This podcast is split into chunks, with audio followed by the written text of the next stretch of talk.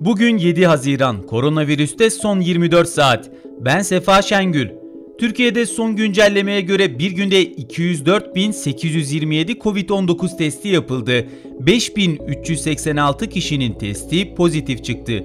96 kişi hayatını kaybetti.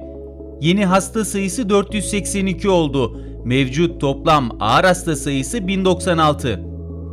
Sağlık Bakanlığı'nın COVID-19'a karşı yapılan aşı bilgilerine yer verdiği internet sitesinde yer alan anlık verilere göre 7 Haziran saat 11.53 itibarıyla uygulanan birinci doz aşı sayısı 17 milyon 700 bin 438 olurken ikinci doz aşı sayısı 13 milyon 157 bin 720 oldu.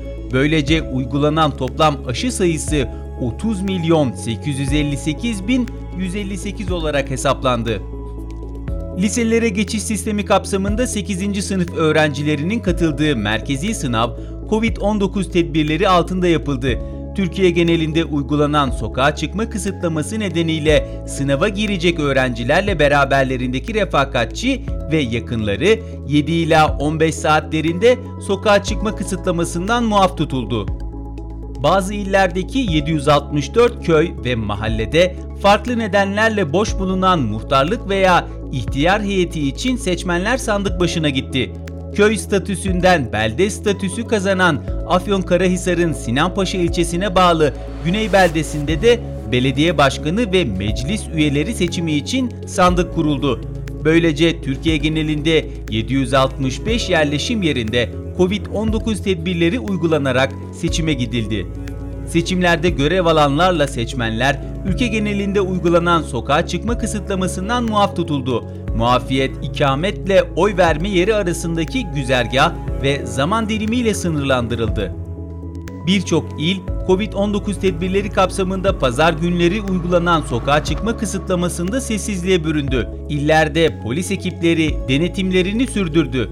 Denetimlerde Kırıkkale'de dernek binasında horoz dövüştürdükleri ve salgın tedbirleri kapsamında uygulanan sokağa çıkma kısıtlamasını ihlal ettikleri belirlenen 69 şüpheliye 431.250 lira ceza uygulandı. Dünyadan gelişmelerse şöyle. İspanya'da turizm sektörünün talepleri doğrultusunda sol koalisyon hükümetinin aldığı kararla ülkeye girişte Covid-19 aşısı veya test zorunluluğu ile ilgili uygulamalar bugünden itibaren gevşetilmeye başlanıyor. İsveç'in başkenti Stockholm'de Covid-19 salgını nedeniyle alınan tedbirleri protesto eden 20 kişi gözaltına alındı.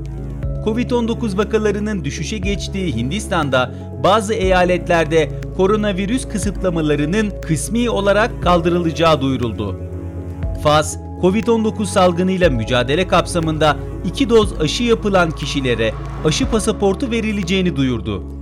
Bangladeş yönetimi Covid-19'un yayılmasını engellemek amacıyla uygulanan kısıtlamaların 10 gün daha uzatılacağını bildirdi. İsrail'de bu sabah itibarıyla 12 ila 15 yaş arası çocuklar Covid-19'a karşı aşılanmaya başlandı.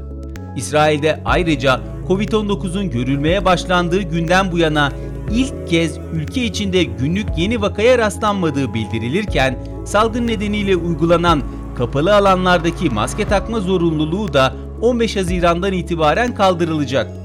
Dünyada bugüne dek Covid-19 teşhisi koyulanların sayısı 174 milyon 64 bin 685. Toplam ölüm 3 milyon 744 bin 513. Anadolu Ajansı'nın hazırladığı koronavirüste son 24 saatten bugünlük bu kadar. Hoşçakalın.